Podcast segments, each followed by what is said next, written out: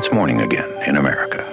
I want to say one thing to the I American make people. this For me, What the networks give a us, few hours ago, networks take it this campaign came to an end. President of the United States. I, Joseph Robinette will not make age an issue as this Senator, you're no. Jack Kennedy. You're likable. I dream about Biden. This is a bunch of stuff.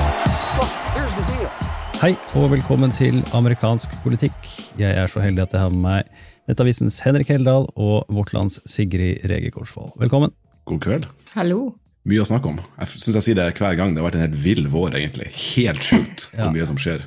Mye å snakke om. Det er eh, dagen før supertirsdag, det skal vi snakke om. Men vi skal også snakke litt om eh, noen seire Trump har hatt siden eh, South Carolina, eh, blant annet i Michigan, der det var en ganske så klar og uproblematisk seier for, eh, for Trump, eller, eller hva, Sigrid? Jo, ja ja, det var jo det. Eh, Trump eh, vant eh, relativt behendig over Nikki Haley. Tallene har jeg ikke helt present, det har kanskje. 68-27. Yes. Men da, eh, hvis ikke jeg tar helt feil, så, eh, så presterer vel Trump litt unna målingene sine òg her, gjør han ikke det? Jo da, han eh, gjorde det, men eh, ja. 68-27 er jo mer knusende enn det vi har hørt eh, hatt tidligere. Det er knallhardt. Det som var mest interessant fra, fra Michigan, var jo på demokratisk side. Eh, de har lang tradisjon for at man kan stemme på uncommitted der oppe, eh, og Biden vant jo da klart, eh, med 81% av stemmene, men så var det da til slutt, siste tallene jeg har sett, 13,2% som stemmer på uncommitted. Eh, de som organiserer det, har jo hatt fokus på, på Gaza, eh, og sånn sett markerer motstand mot Bidens håndtering av, av krigen der. Eh, de, de sa eh, noen dager før at de håpte å få mer enn 10 000. Eh, da var de veldig klare på at de kom til å få mye mer, men de var flinke med å sette forventningene her. Og totale antall stemmer vel, har vel passert 100 000 eh, imot Biden der. Tenker, du har jo nevnt det tidligere, Henrik, Michigan og potensielle problemer i november. Ja, jeg tror allerede på Urix i midten av januar så nevnte jeg det her med Michigan, at det bor 240 000 muslimer der, som er mange. Så det her er noe vi har vært klar over eh, i lang tid, men det, det nye er jo at det har blitt en grasrotorganisering for at det skal skje.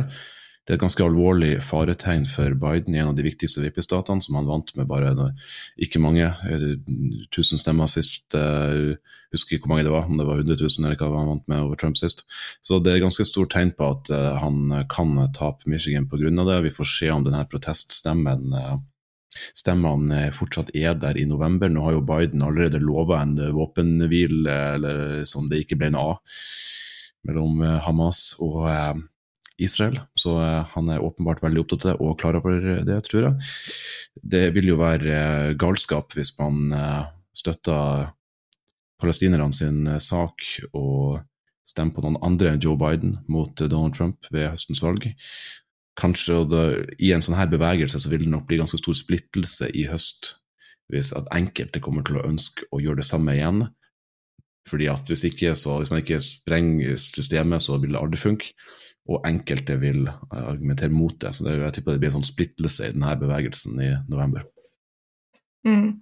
Eh, I Vårt Land så hadde vi en, en reportasje fra Michigan der han snakka med en muslimsk eh, politisk aktivist eh, som, som sa det at Som dro sammenligningen når han snakka om, om Joe Biden i, i 2020 eh, og Joe Biden nå, at eh, en muslim har jo lov til å spise et uh, skinkesmørbrød eh, hvis, en, hvis det er det eneste alternativet til å sulte i hjel.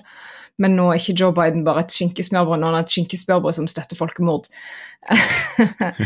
Eh, og det, det, er klart at dette er, dette er utrolig krevende for, for mange muslimer. Eh, det er en del folk med liksom palestinsk bakgrunn òg i, i, Michigan. Um, men så, det, som kan, det som vi ser, også ikke, Sosiale medier er ikke virkeligheten, men det som vi ser mye av i sosiale medier, er jo eh, mer eh, pragmatiske demokrater som kjefter på de progressive som, som, ønsker å registrere en sånn proteststemme. Og det, det er jo på en måte aldri noen som har klart å kjefte noen på plass. sånn at altså, det demokratiske establishment må finne en bedre måte å kommunisere med de som nå ønsker å protestere. da. Jeg tipper det finnes noen eksempler på folk som har blitt bjeffa på plass.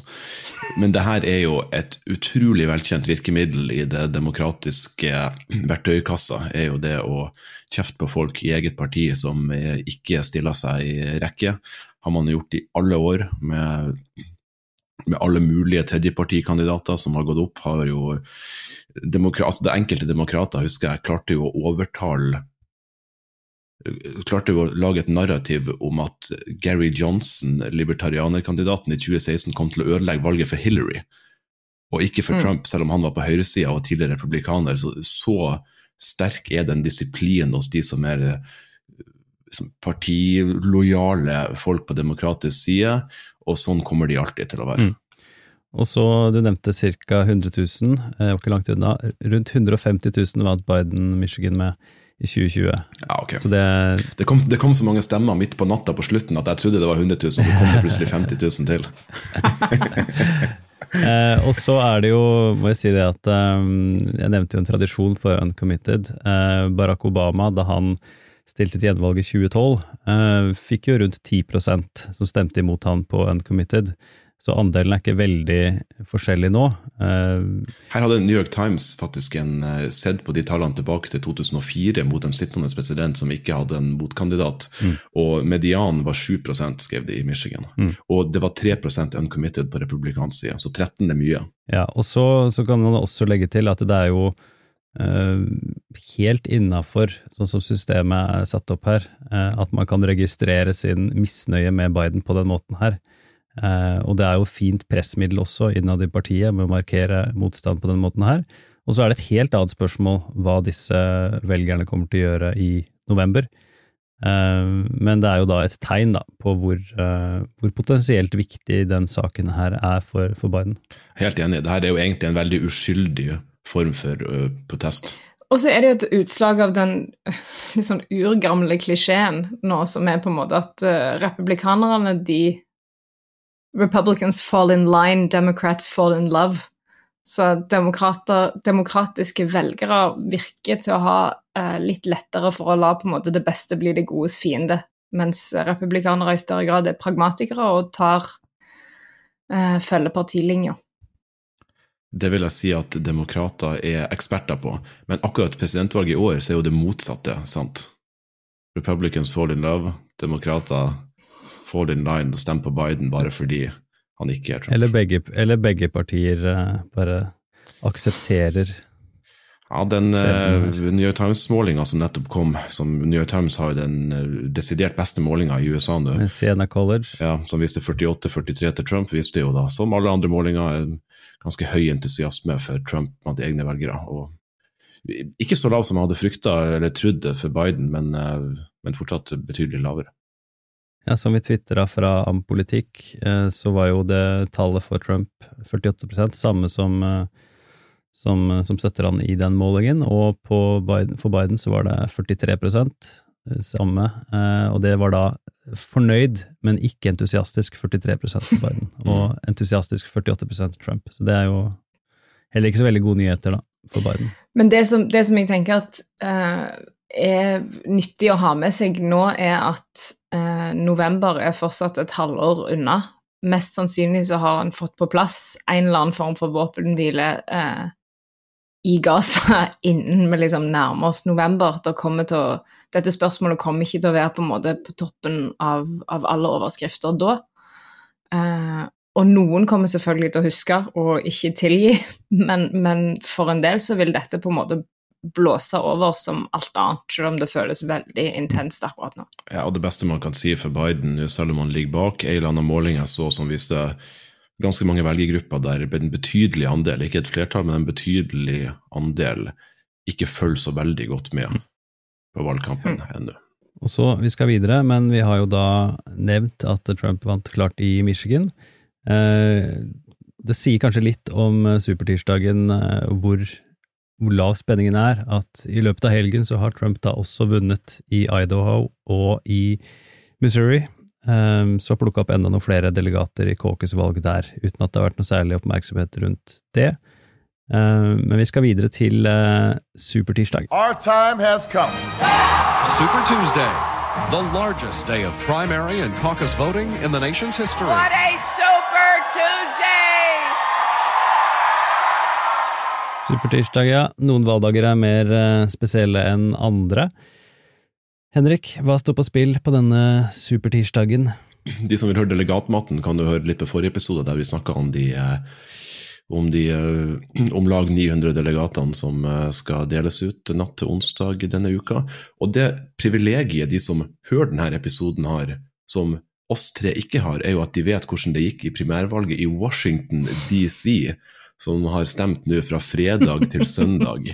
Der, det er lukka, ikke, altså ikke åpent for demokrater og uavhengige, men kanskje Nikki Haley kan vinne der. Det vil jo nesten være mer flaut hvis, ja. hvis, hun vinner der, fordi da kan folk si at det eneste hun vant, var Washington DC. Å gud, annonsen skriver seg sjøl, vet du. Den skriver seg sjøl. Men det er da en lang rekke, det tosifra antall delstater, haugevis av delegater. Det store spørsmålet, vi vet jo at Trump vinner, det er to spørsmål. Vi vet jo at Trump vinner nominert uansett, men kan Nikki Haley vinne en delstat? Det er det ene spørsmålet. Det andre er hva gjør hun hvis hun taper alle og blir totalt grusa, hopper ut, eller, eller mm. forblir hun der? Jeg vil jo påstå at hvis man skal prøve å se om er det et sted hun kan vinne her, kanskje i Vermont, åpent for uavhengige velgere, eller i Utah. Utah er lukka, lukka betyr altså kun republikansk registrerte, men Trump er jo kjent for å være upopulær i Utah, kan hun gjøre noe i en av de ellers? Det snakkes veldig mye om de åpne primærvalgene der uavhengige kan stemme, at det er de viktigste og beste for Haley, men de delstatene som er åpne for uavhengige på supertirsdagen, er jo ikke gode delstater for henne, de fleste av de bortsett fra Vermont. De andre er Alabama, eller som vi nordlendinger liker å si, Alabama. Arkansas, Tennessee, Texas og Virginia. Hun var jo nord i Virginia, der det, det bor folk med høy inntekt og store hus, og mange av de er moderat konservative, og er valgkamp nå nylig velgere som har bytta fra Rom, typisk sånne Romney, uh, Romney um, um, Hillary-velgere som har forlatt mm. partiet. Hun var der oppe, og det er valgkamp nå, kanskje har hun en sjanse der. Ellers det er vanskelig å se på det kartet her at, hvor hun skal vinne. Altså, California er lukka. Vinneren i delstaten for alle delegatene. Det ser ikke, det ser ikke pent ut, altså, hvis du er Nikki Haley. Det gjør ikke det. Det er rundt 36 eh, av delegatene som deles ut uh, den dagen, og Trump kommer til å ta solide steg uh, i retning til nasjonen. Jeg, Nikki Haley i helgen har jo da sagt at hun ikke er tvunget til å støtte Trump dersom han vinner nominasjonen. Uh, gjør et poeng av at RNC, partiorganisasjonen, er en annen nå, med stadig flere Trump-lojale folk. Trump har heller selv ikke signert Eh, dette løftet om å støtte partiets eh, nominerte, så, så Haley forholder seg ikke til det. Eh, kan vel kanskje bare tolkes som litt sånn du framstår litt tøff for, før supertirsdagen. Um, hvor lenge hun kan holde det gående dersom hun skulle tape alle 15 pluss det territoriet, det, det vet jeg ikke. altså Det kan ikke være særlig lenge. Hun må ha et eller annet der, men mer enn nok penger til å holde det gående så lenge hun vil. Uh, altså Spørsmålet er jo, hvis hun først taper alle delstatene her, hun kan jo like så godt holde det gående litt til. Det kommer masse andre valg gjennom mars. så det er jo men mm. problemet, og Hun snakka om at det her er den demokratiske prosessen, vi må la den demokratiske prosessen spille seg ut. Man snakker jo ofte om at Arendalsuka er demokratiets dansegulv. Hvis hun skal ta steget ut på det demokratiets dansegulv her, så kommer det til å bli et murder on the dance floor. Fordi det her kommer til å bli tap etter tap etter tap. Vi har jo, vi har jo den eh, Ikke flir, det var helt seriøst. Vi har jo den, den kjente superduper-tirsdagen 19. mars med Arizona, Florida, Illinois, Kansas og Ohio. Kanskje kan hun prøve seg der, der er det masse delegater til sammen. men alle er lukka, bortsett fra Ohio. Der, kan, der, kan, folk fra andre partier stemme, men da blir de automatisk registrert republikanere. Trump tapte der i 2016, men vi begynner å komme til det punktet der det begynner å bli latterlig, så snart så må vi gi seg. Jo, men altså, om det begynner å bli latterlig, det var nå én ting, men spørsmålet er òg litt sånn Jeg tror du har rett i at når hun først har kommet så langt som dette, så har hun for så vidt ikke så voldsomt mye å tape på å holde på lenger, men du må på en måte ha et eller annet å vinne. Uh, og det Hvis hun ikke på en måte klarer å levere et litt sånn solid resultat i én av delstatene på tirsdag, så syns jeg det er vanskelig å se hva hun skulle ha å, å vinne framover. Da driver hun noe effektivt valgkamp for, uh, for Biden og demokratene, og som flere har gjort, mm. Gavin Newsom blant annet, California-guvernøren, et poeng av, at hun er deres beste talsperson om dagen.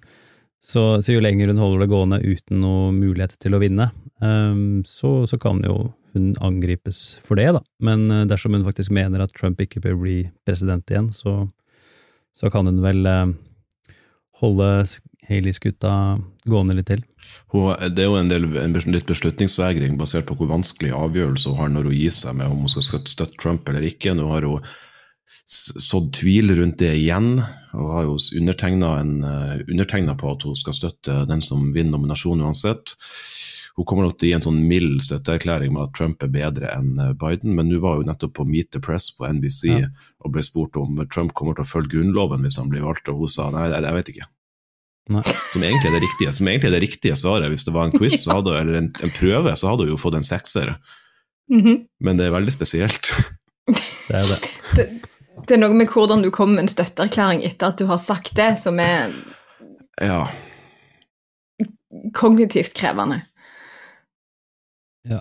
Nei, vi, eh, vi, har jo vært litt inne på det, men eh, du Henrik skrev jo i eh, Nettavisen at ingenting går Joe Bidens vei for tiden.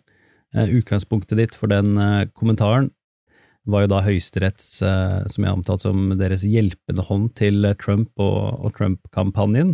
Um, Flere har beskrevet det som en eh, bombe som ble sluppet. Eh, din kommentar bærer vel også preg at dette kan få noe å si på høstens valg? Det er omtrent den største nyheten vi har hatt i dette presidentvalget så langt i år. Høyesterett skal altså ta saken til Trump og hans advokater, der han hevder at en eh, tidligere president er juridisk immun for alle, for alle handlinga denne presidenten har gjort eh, i kraft av jobben sin som, eh, som president. Den saken skal advokatene til de ulike sidene skal møte Høyesterett 22.4. Det vi alle får håpe her, er jo at de klarer å komme med en avgjørelse før de tar sommerferie, i en lang sommerferie i månedsskiftet juni-juli. Jeg vil tro det, men kanskje det, det drøyer ut til juni. Denne rettssaken skulle jo egentlig starte denne uka, så, det, så, begynner vi å snakke om, eh, om tidsplanen her. Er det mm. mulig å gjøre denne rettssaken før valget? Denne rettssaken skulle jo være det største og viktigste argumentet mot Trump, som alle har snakka om, og som jeg skriver i kommentaren min, mange i USA og Norge som ikke liker Trump, har jo klamra seg fast til denne rettssaken som en slags livbøyle eh, for Biden. Mm fordi Trump skulle bruke så mye tid foran en jury, og fordi denne rettssaken var den som virkelig en gang for alle skulle vise at, skulle vise at 6.1 var et kuppforsøk, bl.a. gjennom å lage sånne falske lister med um, valgmenn som skulle sendes inn. Og så skulle Pence da presses til å, omså gjennom uh, trusler, til å ikke telle riktige valgmenn, sende det tilbake til de her delstatskamrene, og så skulle de da velge å sende inn de her falske listene med valgmenn. og Det hadde de klart i mange delstater, å lage sånne lister. Dette var en plan som var godt i gang, og det var et reelt forsøk på å prøve å omgjøre valgresultatet. Det kan hende at velgerne nå ikke får se. La oss si at de blir ferdige i slutten av juni med denne saken. Trump og hans team har 82 dager på seg til å forberede saken før en rettssak kan starte, fordi rettssaken ble frøset tidligere av dommeren, så den ble satt helt på is.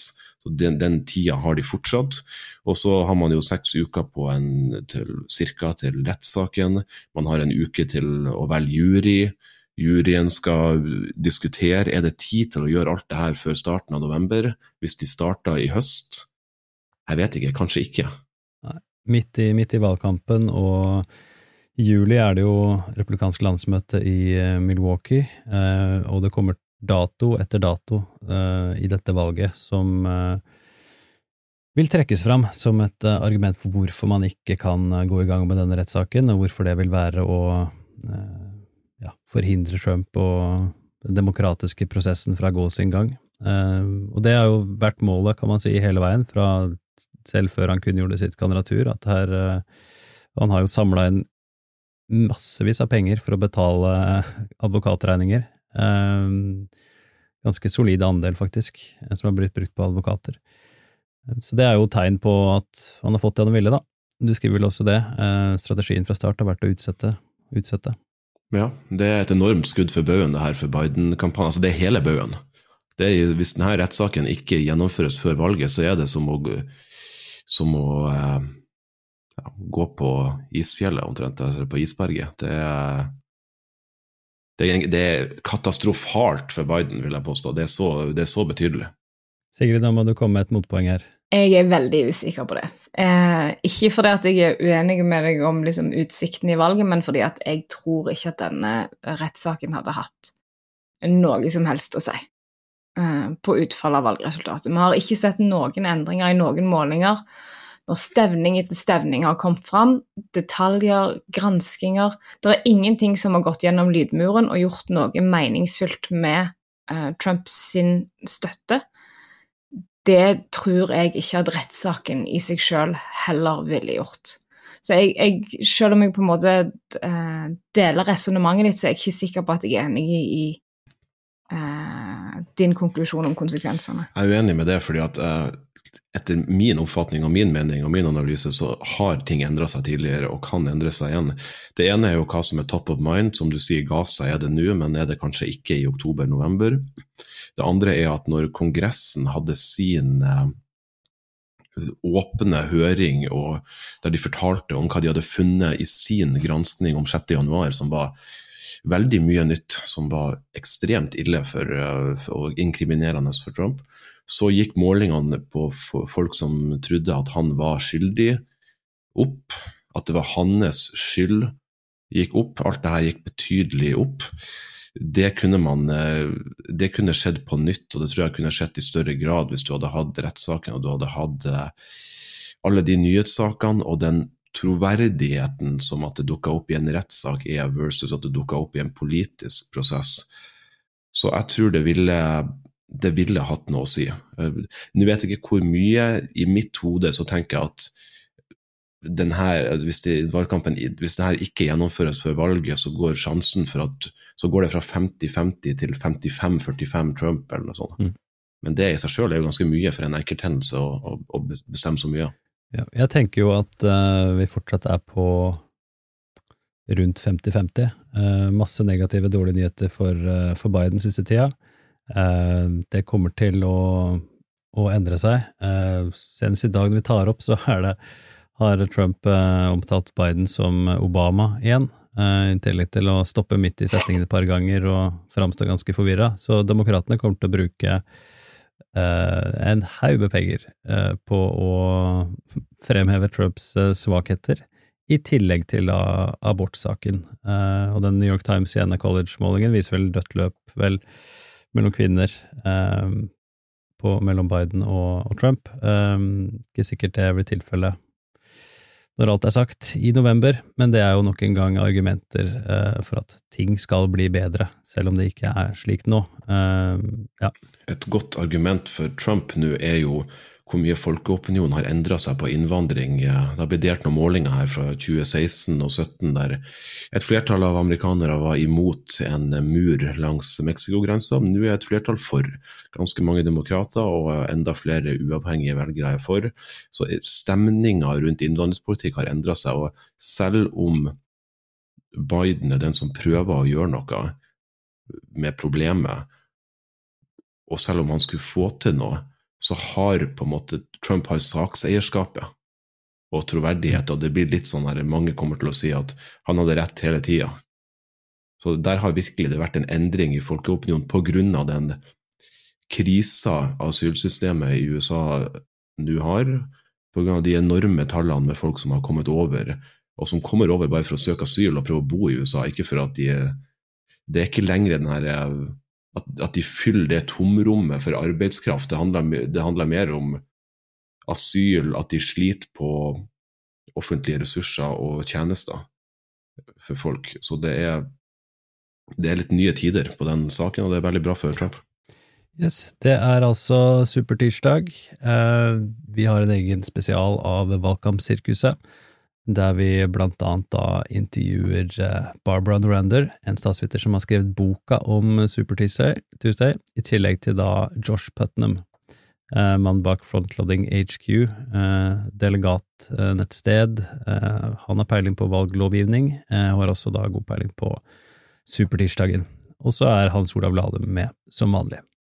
Og så er det en historie der, da, om uh, en litt mer spennende supertirsdag enn den vi står overfor nå, så sjekk gjerne ut det. Uh, og så er det også en Patrion-spesial som ligger og venter. Der tar vi for oss uh, et annet tema. Hva er det vi skal ta opp der, Sigrid? Der skal vi snakke om at hvis du bor i Alabama, så har dine frosne embryo eh, nå eh, grunnleggende menneskerettigheter og regnes som et barn. Ja, ikke sant. Det, det blir spennende. Sigrid og Henrik, takk for at dere var med. Takk for at vi fikk lov til å være med. Det er alltid hyggelig. Nå får vi bare glede oss til supertirsdagen og håpe at den blir super. Ja, Og så har du Spenningen stiger. i tillegg da nevnt Superduper Tuesday, så det blir bra. Spenninga stiger som arbeidsledigheta, som eh, Jodski sa en gang. Herlig. Vi snakkes. Har du et enkeltpersonforetak eller en liten bedrift? Da er du sikkert lei av å høre meg snakke om hvor enkelt det er å sende faktura med fiken. Så vi gir oss her, fordi vi liker enkelt. Fiken superenkelt regnskap. Prøv gratis på fiken.no.